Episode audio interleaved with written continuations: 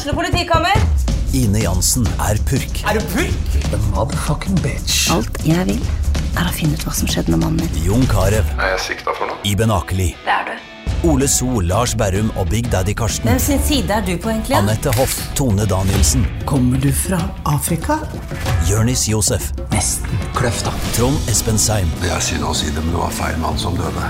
Purk. Premiere tirsdag på TV2 Play. Hei, og velkommen til en ny episode av Debrif med Dag Sørås. På denne herrens eh, et eller annet i april, eh, hvor eh, de av oss som holdt til i Oslo, eh, muligens hadde ei ørlita forhåpning om at eh, ting skulle åpne opp litt. Og så satt vi bare igjen med Nei, du får lov til å ha besøk av ti stykker. Og jeg sa, ah, ok, whatever.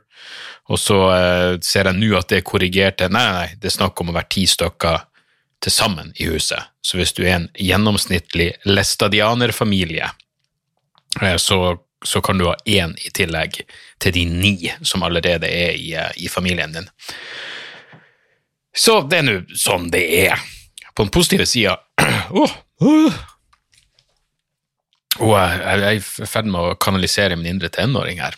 På den positive så jeg ble oppringt av eh, Vaksinesenteret, eller hva faen de heter, i går.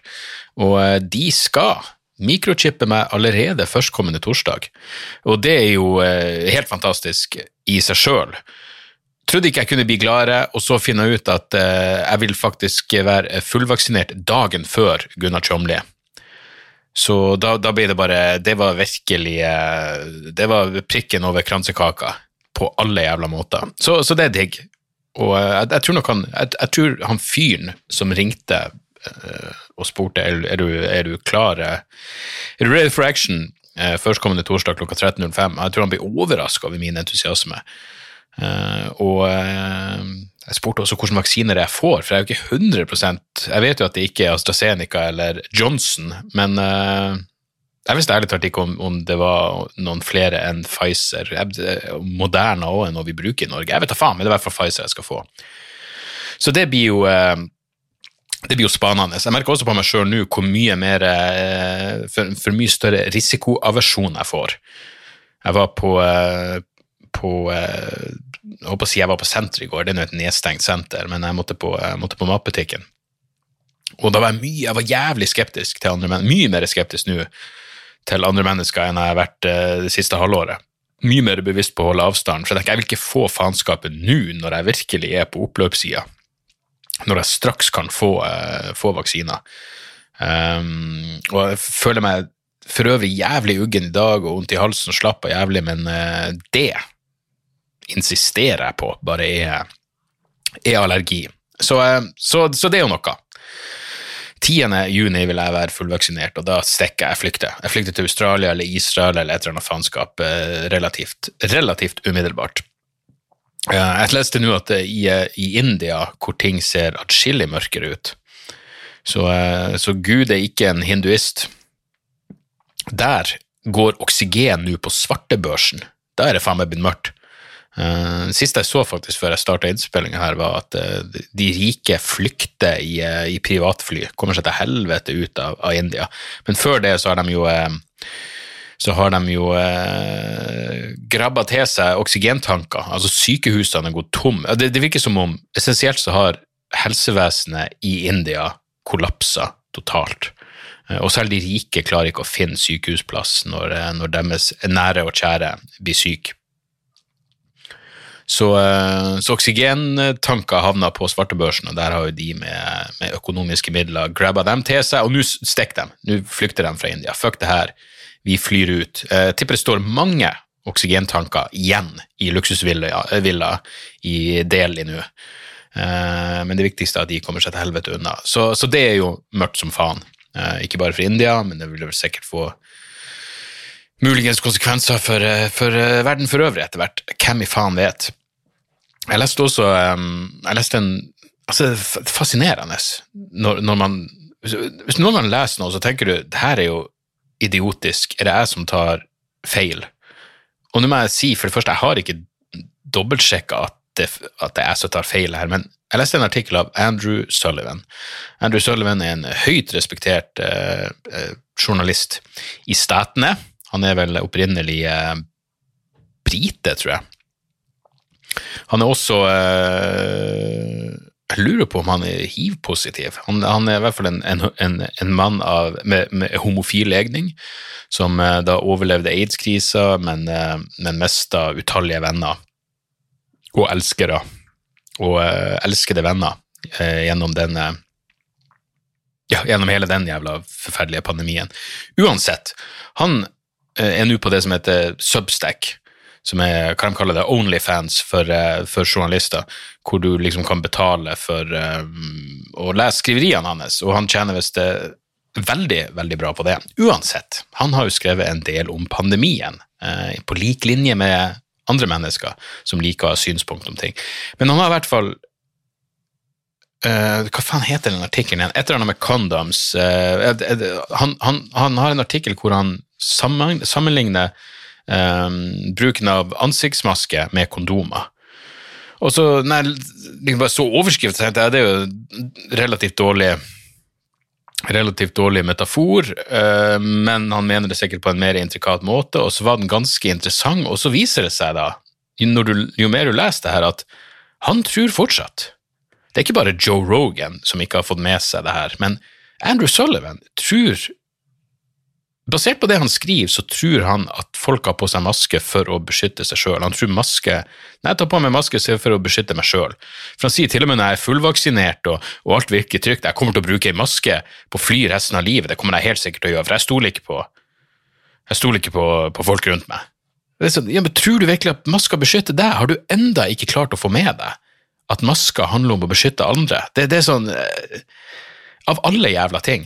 Så så jeg også en, for mine en liten pet peeve jeg hadde, er jo det han eh, såkalte, såkalte hygieneteatret. Uh, som, som, det er å vaske overflate nå. Og nå har jo uh, The Atlantic har en bra artikkel som heter 'Deep cleaning isn't a victimless crime'. Og det er akkurat det jeg har sagt. Uh, jeg skjønner at i starten, når man ikke visste, så var det god grunn til å tro at det å drive og, og vaske pultene når skoledagen var ferdig, at det var, hadde nytteverdi i forhold til å, å stoppe spredninga av, av, eh, av, viruset. Men nå vet vi jo, og til og med Center for Disease Control i, i USA har anerkjent at det er rent hygieneteater eh, å drive og det, det, er ikke sånn folk blir smitta. Dette er luftbårent virus. Og det er null vitenskapelig grunnlag for å si at det er noe vits i å drive og vaske overflate. Og tenk på alle de ressursene som brukes på det her. For det er en ting å si, ja, men hva er skaden? Skaden er jo når elever må være ferdig tidligere på skolen fordi, eh, fordi pultene deres og klasserommet skal, skal druknes i antibac. Fruen jobber jo i barnehage, de bruker en masse jævla tid på det her. Hva, hva er de samfunnsmessige kostnadene? Kunne virkelig ikke Se bort ifra Ja, de, de, de, de eh, all den arbeidskrafta som kastes bort på det her. og Det er det jeg ikke skjønner, at vi ikke bare kan ta ei oppsummering på kunnskapen vår og si ok, vi trodde det her, nå vet vi bedre, da forandrer vi. Fordi det, det, det, virker ikke som det noen gang er Det virker ikke som det er noe fuckings eh, offisiell anerkjennelse av at kunnskapen om det her jævla fuckings viruset blir oppdatert, og det plager meg, meg litt. Men nå skal vi heldigvis få ei, eh, den endelige avklaringa på, eh, på bruk av ansiktsmaske. og om covid-19 bare er en gigantisk konspirasjon for å starte, eller for å implementere en, en slavestat i Norge, når, eh, når Charter-Svein og uh, Lotepus skal, skal bryne seg på hver sine spisse, spissede argument på Debatten på NRK. Og jeg spiller inn det her på tirsdagskveld, så den her faen meg MMA kognitive MMA-fighten har ikke skjedd enda. Og det er, jo, det er jo relativt utrolig. Jeg mener, det er ingen problem med at, eh, at Chartersvein og Lotepus skal ha en liten, eh, en liten face-off. En argumentativ face-off, men det burde vel i beste tilfelle skjedd på Kari Jakkessons Facebook-side, og ikke på Statskanalen. Jeg skjønner, det, det er liksom ikke helt den intellektuelle versjonen av Godzilla versus King Kong, det her. Så, så, det virker jo relativt latterlig at debatten av alle jævla plattformer skal la de her to nautene eh, Altså, det, det, det, det er virkelig hvem er, er, det noen på planeten som syns at dette er en god idé?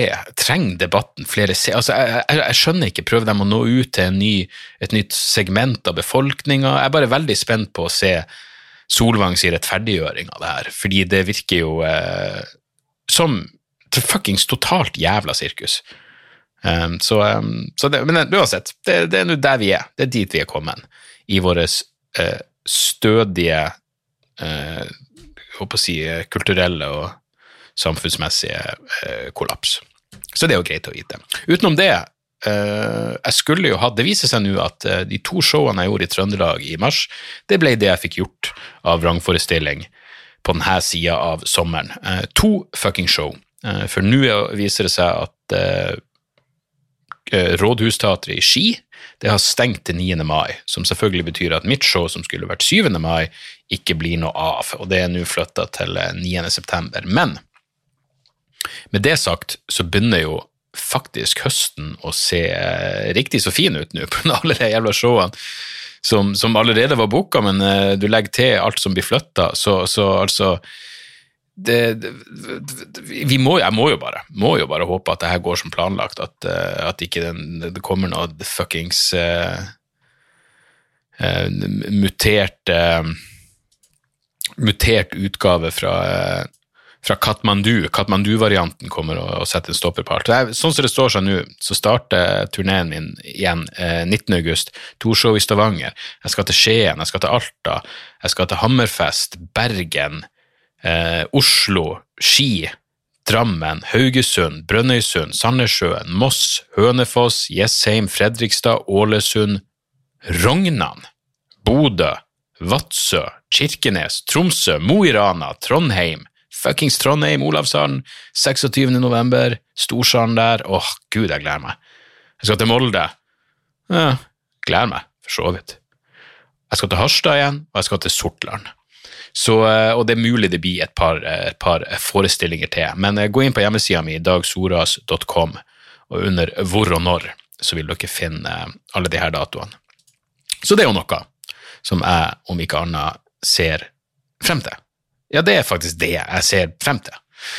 Så, eh, så sånn er nå det. Ellers så hadde min kjære Morty Dog en, en genuin nær døden-opplevelse her for noen dager siden hvor uh, de har drevet med veiarbeid, eller de har drevet og uh, hva har de gjort? Rengjort gata, fjerne alle de småsteinene og alt det der. og da, Nå har de satt opp som skilt om at bilene må, kan ikke stå parkert.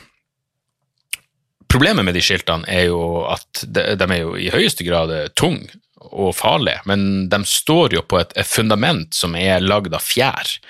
Så bare det ble et lite vindkast, så kom jo de her altså det, det, begynte med at jeg så på Facebook at uh, noen la ut bilder i nabolaget av sånne her, de her skiltene hadde tilt, fordi det blåste ganske kraftig. Skiltene hadde velta og så datt på et par biler. Men jeg og Morty dog uansett ute og går, og vi går på en lang strekning, altså relativt lang strekning eh, på fortauet. Og så kom det et vindkast ut av intet. Det kom altså så, så jævlig brått på, og Morty dog kanskje 1,5 meter ifra meg og velta da et sånt skilt, og det kom Altså, han kom seg bak, og det var vanskelig å se fra min vinkel, men jeg tipper en halvmeter ifra og bare bli slått i hjel, eh, var min kjære lille Morty. Og det hadde vært Det hadde vært kjipt. Hva, hva, skulle jeg gjort da? Hva i faen skulle jeg gjort da? Jeg måtte jo selvfølgelig prøvd livberging, men hvis, hvis det ikke var noe å gjøre med det, så måtte jeg jo Skulle jeg ta den med meg hjem? Jeg begynte å tenke sånn, skal jeg, skal jeg, skal jeg da ringe skal jeg, jeg, må jo ringe, jeg kan ikke sende en melding til fruen. Du, Morty, shit, du vil ikke tro det her. Eh, skal jeg ta et bilde og sende? Jeg må, jeg må jo bare bære han med meg hjem. Jeg begynte å tenke, hva skal jeg gjøre? Hva skulle jeg, skulle jeg båret han med meg hjem, og skulle jeg lagt han i Jeg kan ikke legge han utfor døra, jeg må jo ta med meg inn, skal jeg legge han i gangen? Uh, hvis jeg allerede vet at han er død, skal jeg legge han i gangen og så gå inn og forklare at han er død, skal jeg ta han med inn? Altså, det var det var mange jævla, det var, det var såpass mange tanker som gikk gjennom hodet mitt at, så, at, det var en stund jeg glemte at hei, han lever jo faen meg, jeg trenger, jeg trenger ikke å tenke på det her i det hele tatt. Nå trenger jeg bare å gå hjem til fruen og si hei, Morty holdt på å daue, men her er han, er glad og fornøyd. Så, men det var jo skummelt som faen, og uh, bare nok, nok, en gang ble jeg bevisst på hvor jævlig fort ting kan gå galt ut av, eh, ut av intet. Og eh, ja, i går så var jeg på eh, eh, tok jeg meg en joggetur, og så da fikk jeg sånn jeg fikk sånn lite dilemma. Eh, det var to stykker i eh, elektrisk rullestol, som åpenbart har, har møttes da. I, de kom i hver sin retning, og så har de stoppa da, for å snakke med hverandre. På samme måte som biler av og til gjør. Jeg mener, du, du vet når, når, når, to stykker står og snakker, og så, og, og så drøyer de det litt for lenge, så du må bremse helt ned og stoppe bilen din. Det er altså de, da, Jeg syns du kan skyte dem. Med, med, med, med, god grunn, uten at du skal straffeforfølges på noen måte. For det er kanskje en liten fortjenestemedalje og et klapp på skuldra alt du får hvis du, hvis du henretter dem i en sånn situasjon. Men det blir jo litt annerledes med de to jævlene i elektriske rullestoler, fordi de sitter jo i rullestol, men de, de, de, stopper jo hele Jeg kan ikke springe ut i veien akkurat her, det er masse biler og faenskap, og jeg har en god pace gående. Hjerterytmen er der den skal være, jeg er kommet i gang, jeg slutter å hate meg sjøl. Jeg jogger, jogger, jogger selvhatet av meg, som betyr at jeg jogger i ca. 20 minutter.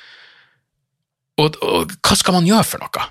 Det, det, ender jo bare opp med at jeg bare må stoppe helt opp og så gå veldig rolig imellom dem. Men du får jo lyst til å si et eller annet.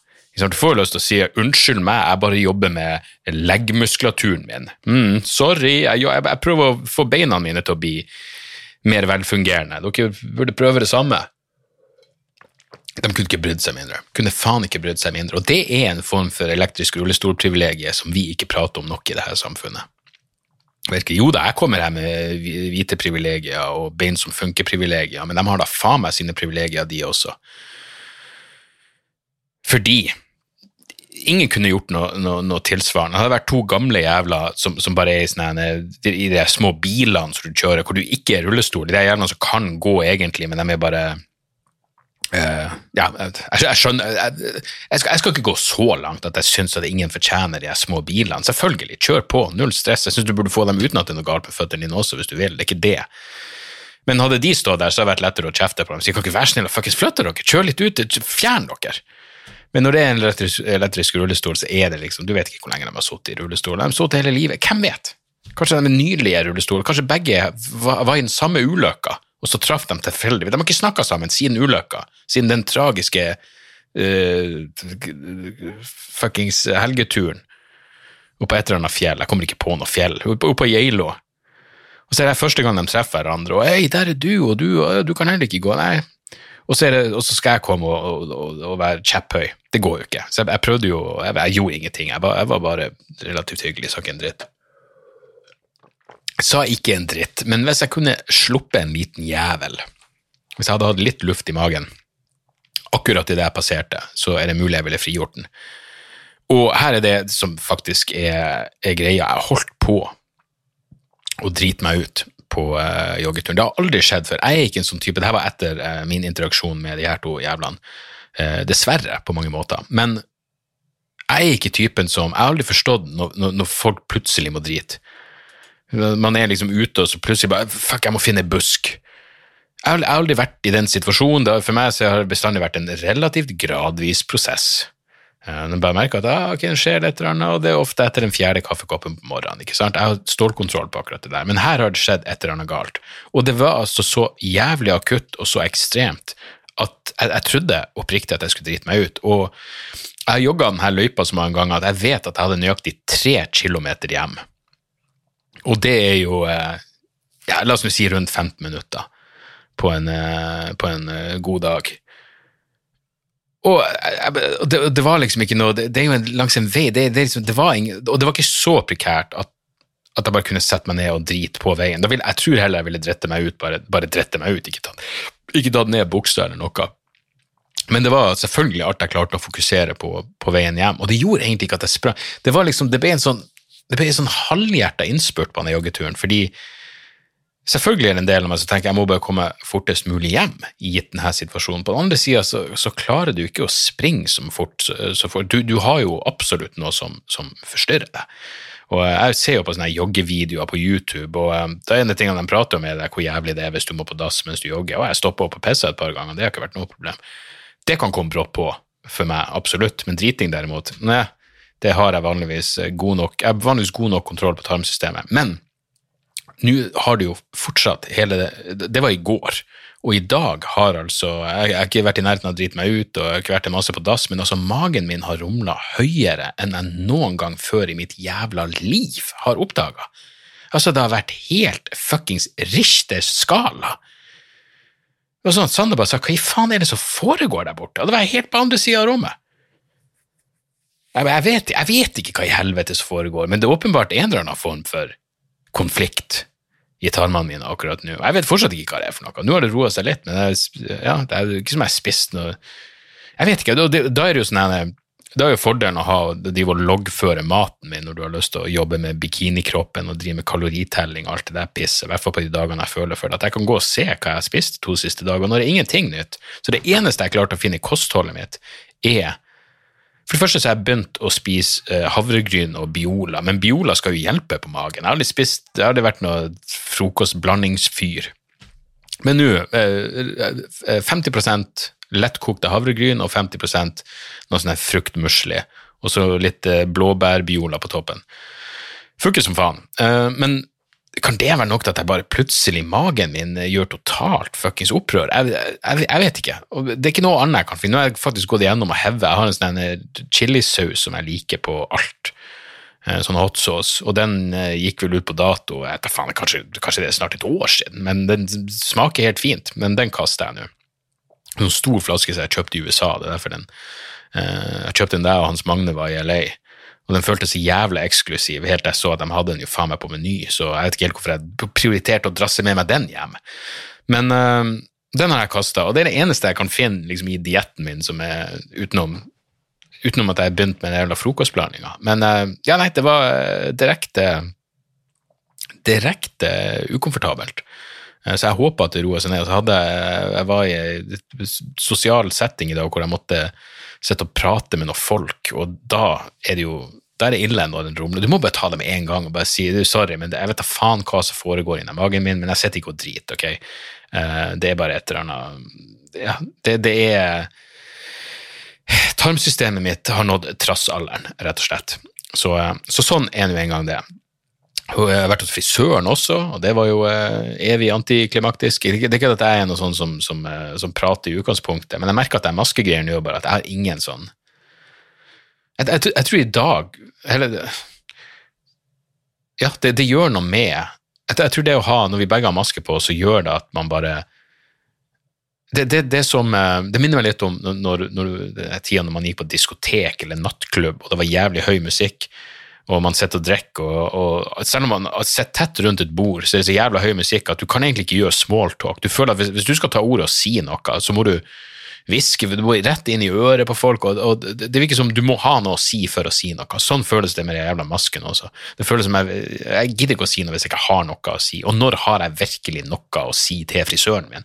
Jeg mener, jeg bruker jo den samme frisøren hver gang. Jeg, jeg, jeg tar ikke første ledige, jeg tar Nahid. Jeg vet hvem jeg vil ha på Nikita. Fordi eh, hun snakker ikke unødvendig. Hun sier hva du syns, er du fornøyd, bla, bla, det kommer der. Eh, jeg prøver å få en betryggelse på jeg holder ikke på å bli skalla. Nei, det er tjukt hår, flott. Ok, men det er alt greit. Jeg, jeg, trenger ikke å vite noe mer enn det, jeg trenger ikke noe smalltalk, men det er akkurat som jeg savner denne muligheten for bare litt sånn meningsløs slavring og bare sånn ja, ja. Kan ikke, jeg kan ikke bare ta sånn ja, ja. Kan ikke gjøre det med maske på. Ja, brr, bare, hæ? Det er ingenting. Ingenting. Så eh, nei, gud i himmelen. Det skal bli godt å bli kvitt det faenskapet. Det var noen som ble spurt på, på en sånn klassisk hva, skal, hva, hva, kommer du til å savne minst når ting er normalt igjen, og det er liksom de jævla masken, og ja, dem er faen meg, dem er høyt oppe på høyt oppe på, eh, på lista. Ellers må jeg jo takke for eh, Jeg har fått en del hyggelige tilbakemeldinger etter at jeg var med på Follestad sin podkast 'Hvordan har du det, mann?'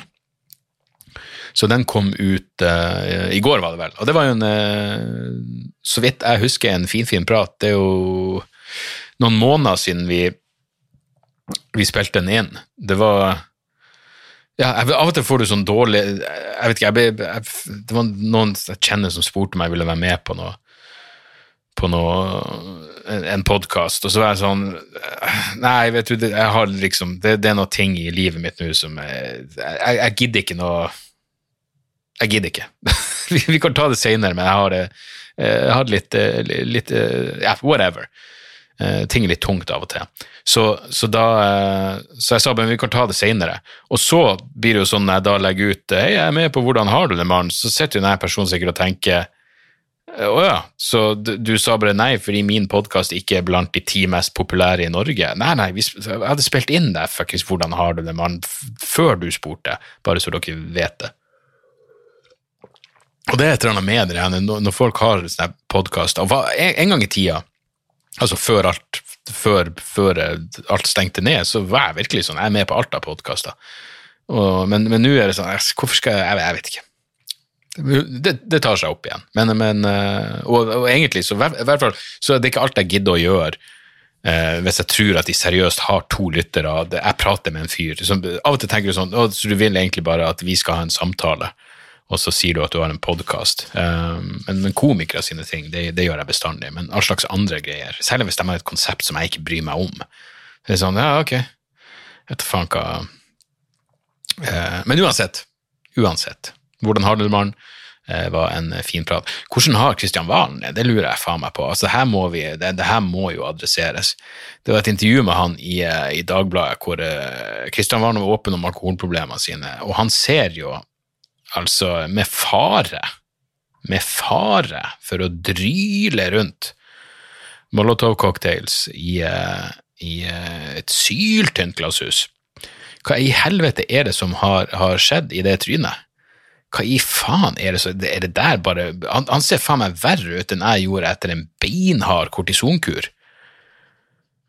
Det kan ikke bare være alkoholmisbruk, det der, men det skal han ha.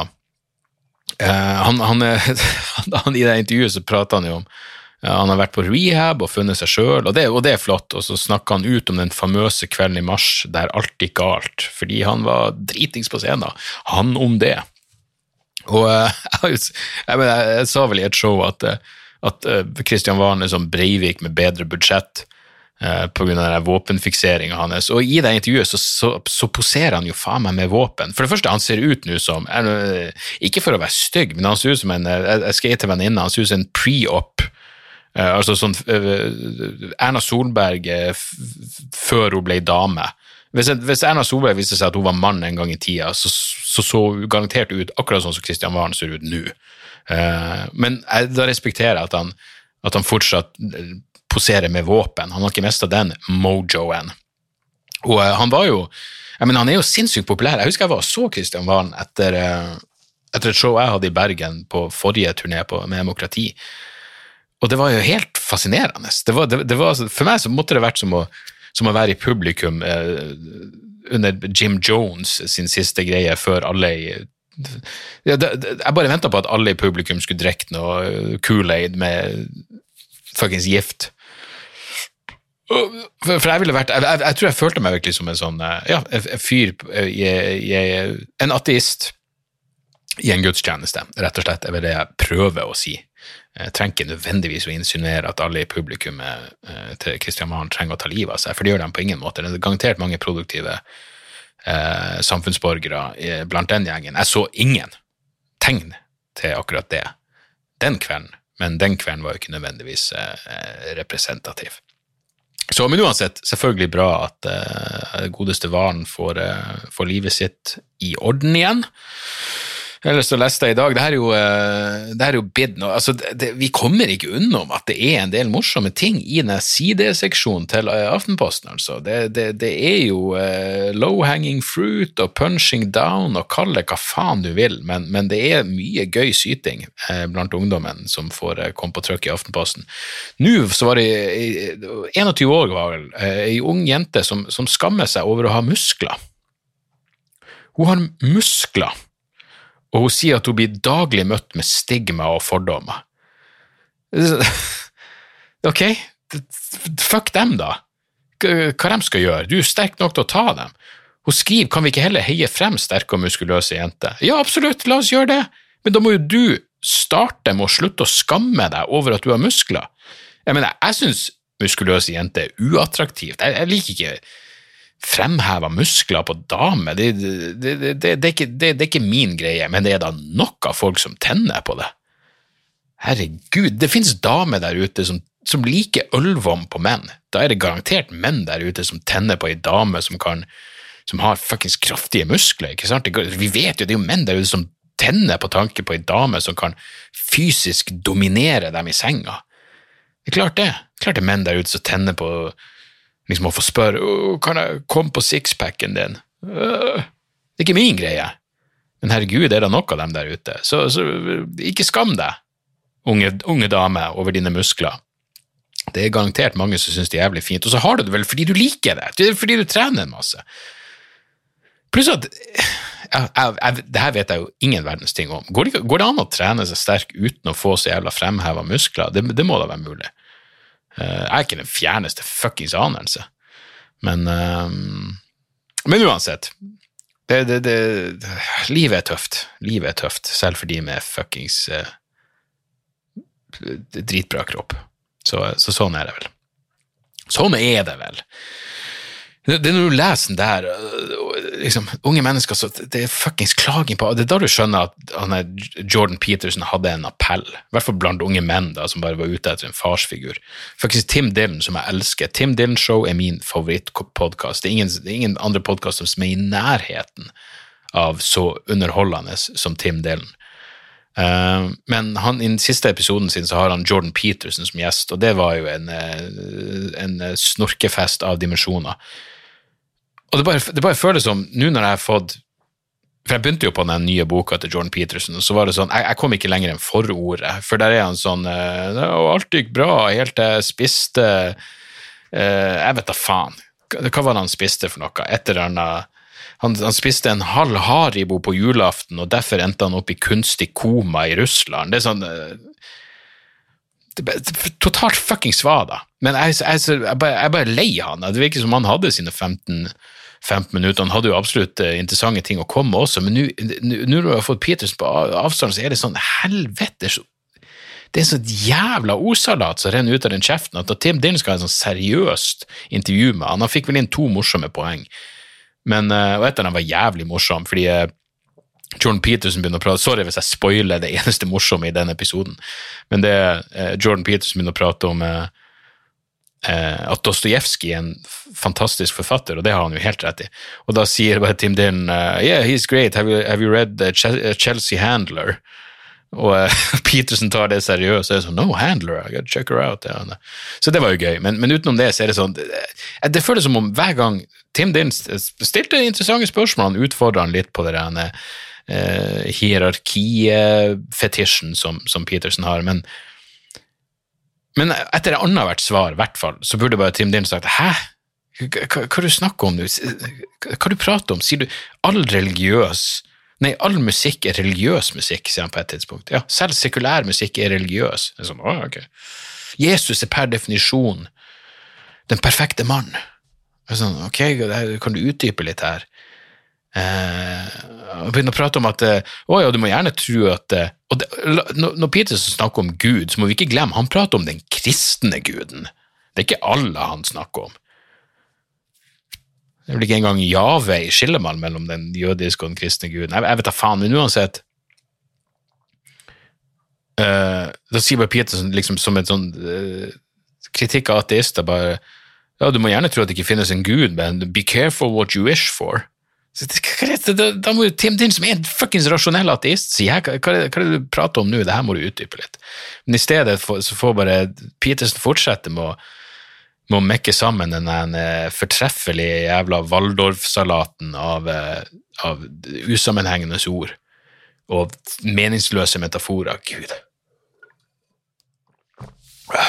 Det, det, det er bare sånn Det krever bare så mye baller å basere å, å prøve å skape et objektivt verdensbilde ut ifra hvor mentalt skakkjørt du sjøl åpenbart er. Det er liksom, legg, legg, din psykologiske tilstand til grunn for absolutt alt annet. Så ja, nei, uansett.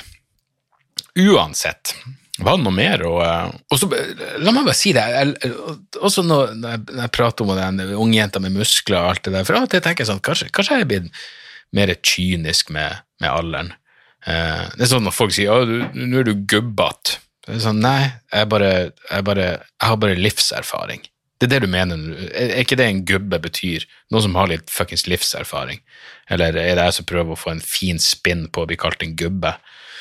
Men det er ingen tvil om at jeg blir mer kynisk med alderen. Jeg tar ikke for god fisk alle anekdoter, bare fordi noen sier 'jeg opplevde det her'. Ok, du har kanskje opplevd det, men det er mulig de fortolkning er feil. Det er, det, det, jeg kan ikke ta de fortolkning som objektiv sannhet. Det nekter jeg å gjøre. Jeg, sorry.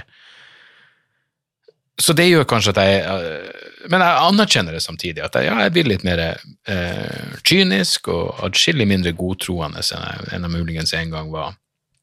Samtidig så lar jeg meg jo i, i, i større grad enn før eh, jeg, liksom, jeg, jeg prøver å forene det at jeg blir mer kynisk, med det at jeg er mer lettrørt enn jeg noen gang har vært før. Så, så Perfekt eksempel. Jeg og fruen satt og så eh, Palmer, den, den filmen på den Justin Timberlake-filmen.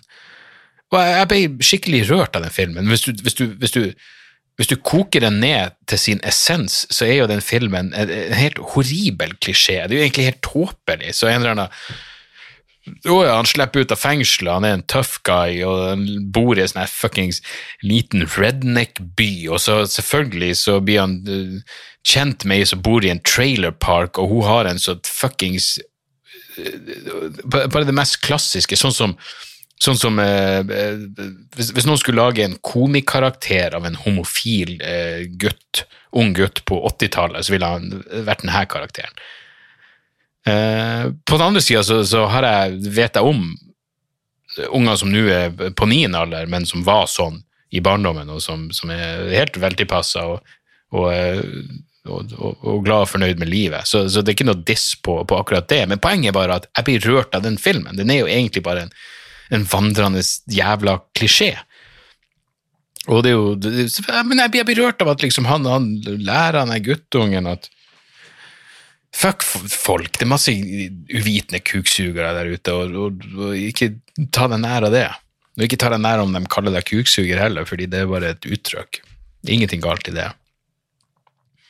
Så det er liksom det her. Ja, kanskje jeg er en kynisk gubbe på den ene sida, på den andre sida så, så, blir jeg veldig Jeg blir veldig fort eh, fuktig på øynene.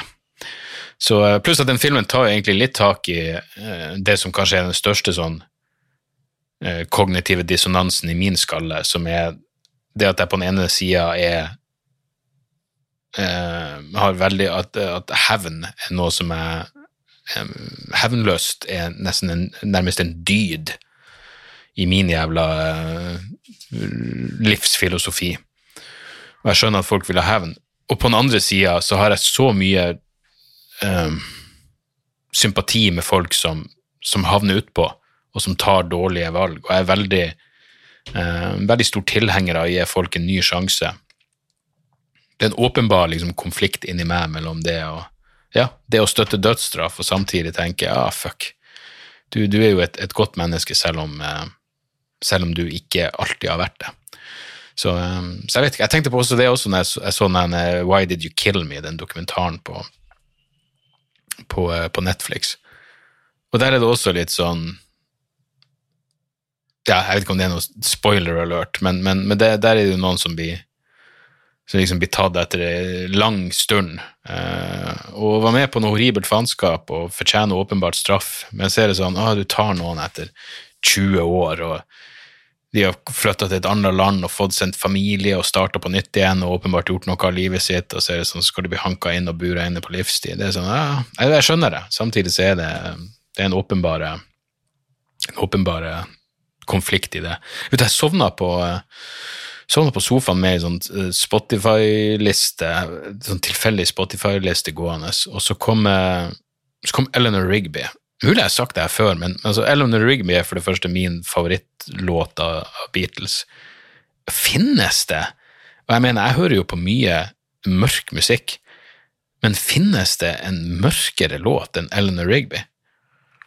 Jeg mener, det er altså noen eh, Det er altså noen tekstlinjer der som er eh, poetisk, men også Jeg mener, bare tenk på den, skal vi se. For det handler jo selvfølgelig om eh, eh Bare tenk på den her eh, når godeste Eleanor er død. Um, Father McKenzie, writing the words of a sermon that no one will hear. No one comes near. Look at him working. Darning his socks in the night when there's nobody there. What does he care? Og så Hvor faen er sluttlinja? Det er den som er den mørkeste. Ja, Eleanor Rigby died in the church and was buried along with her name. Nobody came. Father Mackenzie, wiping the dirt from his hands as he walks from the grave. No one was saved. Jeg mener, Jesus fucking Christ. Si hva du vil om både Dark Throne og Nick Cave sin Murder Ballads, det her er jo faen meg hakket mørkere. Og en nydelig sang i tillegg, så uh, Ja. Også en jævlig fet versjon av den uh, på YouTube av The Helicopters. Det er klart, når The Helicopters spiller en coverversjon av den beste Beatles-låten gjennom tidene, så blir resultatet jævlig så jævlig fett. Når, når kommer det programmet til Norge? På sporet, heter det vel. hvor de, eh, jeg, jeg, vet ikke engang helt hva konseptet er, men det er vel noen deltakere som skal gjette på musikk, og så er det liksom ordentlige, bra band som spiller. Det, det, når Helicopters var der, så hadde de Torstrøm og og de hadde Paper fra Ghost med, og dritfett. Jeg vet First Aid Kit har også spilt der. Liksom gjør fete coverlåter, og um, ja. Jeg mener, hvorfor, hvorfor ikke det er importert til Norge enda? Det er jo et, et jævlig godt spørsmål.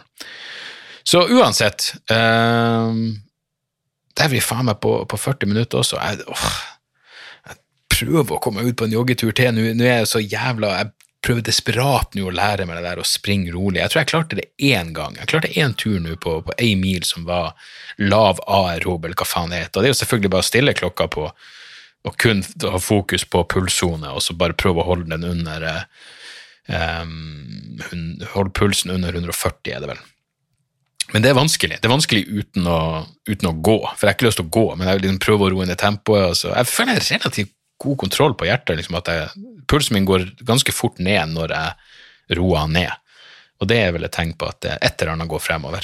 Per nå, jeg ble jo deppa fordi Garmin-klokka fører jo sånn kondisjonsalder, og jeg har jo bare gått ned på det der kondisjons... Altså det er jo et sånne, en sånn kondisjonsklokkegreier som går opp til eh, Altså den begynner på dårlig 38,5 og under, og det beste er overlegen 52,5 og oppover. Altså 52,5 og oppover er overlegen eh, form. Og jeg var oppe på 50 i fjor sommer, som er jævlig bra, om jeg så skal si det sjøl. Jeg på, altså jeg har gått helt ned på 42 igjen, og nå er jeg oppe på 40, 46, som betyr at eh, det står kondisjonsalderen din er 30. Og med tanke på at jeg er 43, så er jo det bra, men faen, jeg vil komme ned på 20-tallet det hadde gjort et eller annet. Det betyr ingenting for noen andre enn meg, men det hadde absolutt vært en liten eh, placebo-spark i ræva for å eh, prøve å få denne formen litt, eh, litt, bedre. Den er helt ok, men kunne i høyeste grad vært atskillig bedre. Så da er vi eh, der vi skal være, som er snart ferdig.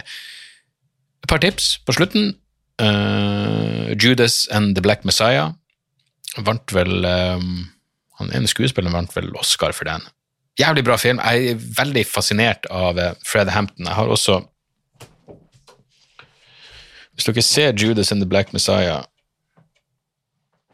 eh, og blir veldig interessert i den historien, så kan jeg anbefale Jeffrey Haas. Han står her henger han nesten her. Han står der så lenge. Av og til så står bøker og så er sånn Har jeg lest den, eller innbiller jeg meg bare at jeg har lest den? Er det som 1984, som jeg fortsatt ikke vet Jeg vet ikke om jeg har lest 1984 av Orwell, men det føles som jeg kan den utenat. Boka heter i hvert fall The Assassination of Fred Hampton av Jeffrey Haas. Kom vel ut på midten av 2000-tallet, men nå er den ute i en oppdatert oppgave. Eh, og det jeg syns er så kult med at de her historiene kommer ut, er jo ikke bare det at, at uh, ja, det, fordi den, den, handler jo om Fred Hampton, som altså ble henretta, Gestapo-henretta av, av, FBI. Men det handler jo også om Cointelpro-programmet som, som uh, FBI hadde, som uh, som nå begynner virkelig å komme frem i dagslyset. Du har jo også den filmen uh, The Trial of the Chicago Seven. Der er jo Fred Hampton en liten bikarakter. Men Cointel Pro, selv om de ikke nevner det rett ut, så er det en del av, eh, av, av hele den, uh, den historien. Så uansett, Judas and the Black Messiah. Jeg likte den filmen veldig godt. Samtidig så er det en sånn film som er altså historie, den, den må få gode anmeldelser fordi det er så bra og viktig historie, en virkelig viktig historie. Eh, at det kan ofte overskygge kvaliteten på filmen. Men jeg digga filmen også, og Anne Marie hadde ikke noe forhold til, til denne historien i det hele tatt. Hun, ble også sugd inn i den filmen. Så um, Judas and the Black Messiah kan, eh, kan uh, absolutt anbefales. Um, så har også Sam Harris har en, pod, en sånn spesialepisode av podkasten sin som anbefales så jævlig, som heter Engineering the Apocalypse, hvor han um, det er han og en som heter Rob Reed. Rob Reed har også en podkast som heter After On, som jeg har anbefalt tidligere. De prater rett og slett om eh, eh, potensielle pandemier og ideen av menneskeskap. For det første, hvor heldige vi har vært med covid når det først skulle være. Den kunne vært så mye mer dødelig. Eh, Den kunne gått spesifikt eh, Barn kunne dø av den. Se for deg at du fikk en pandemi, en sykdom som gikk spesifikt, hvor, hvor, hvor, eh, hvor det var unger og ikke gamle mennesker som, som liksom var de primære ofrene. Um, og så går de inn på det med syntetisk biologi og, eh, og menneskeskapte potensielle menneskeskapte pandemier som virkelig kan være apokalyptisk.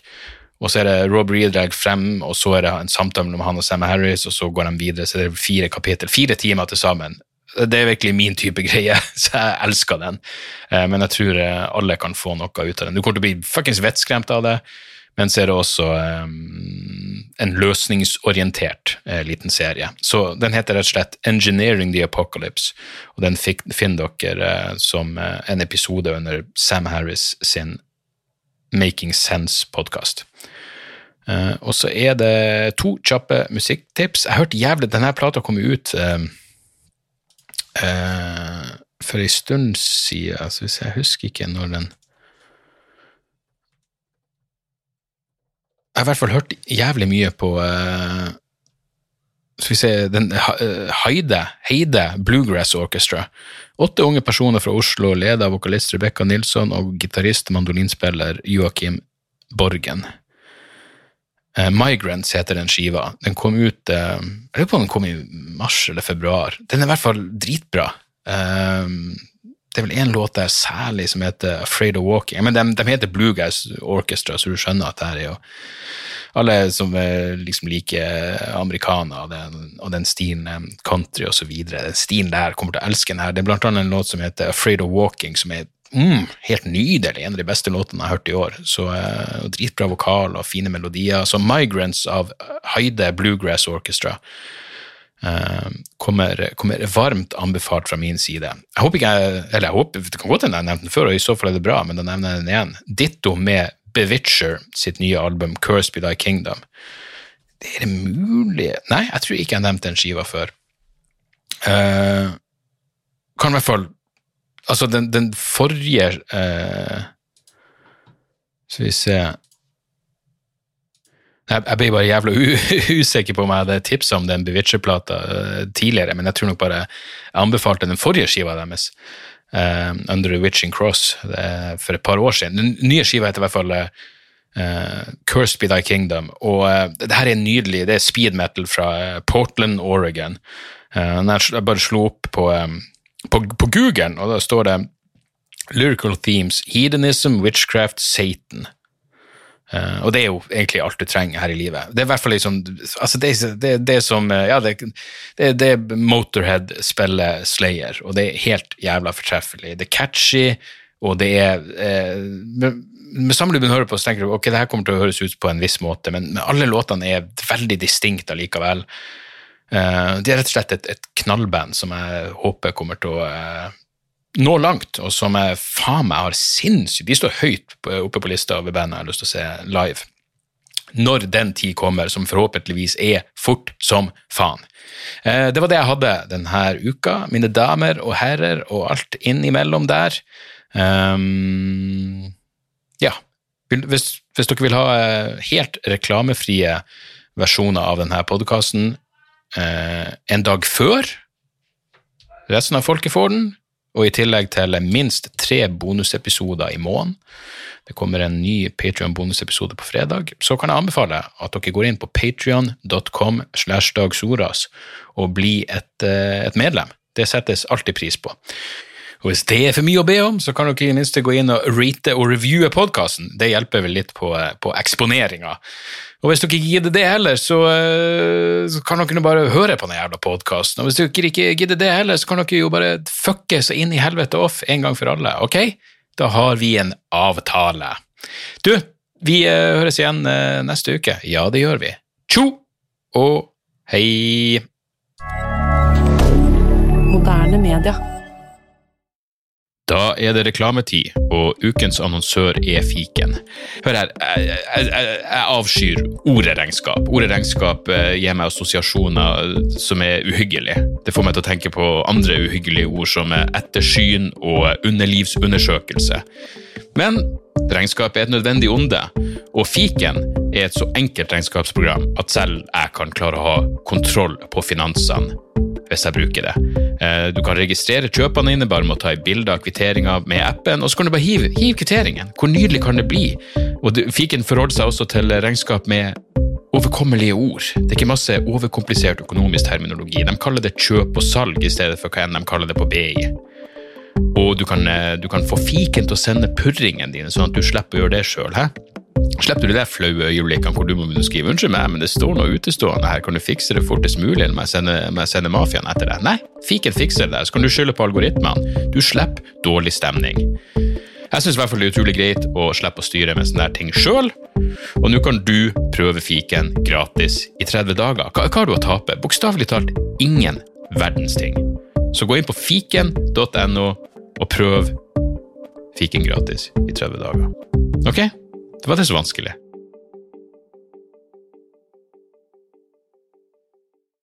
Har du et enkeltpersonforetak eller en liten bedrift? Da er du sikkert lei av å høre meg snakke om hvor enkelt det er med kvitteringer og bilag i fiken, så vi eh, gir oss her, vi. Fordi vi liker enkelt. Fiken superenkelt regnskap.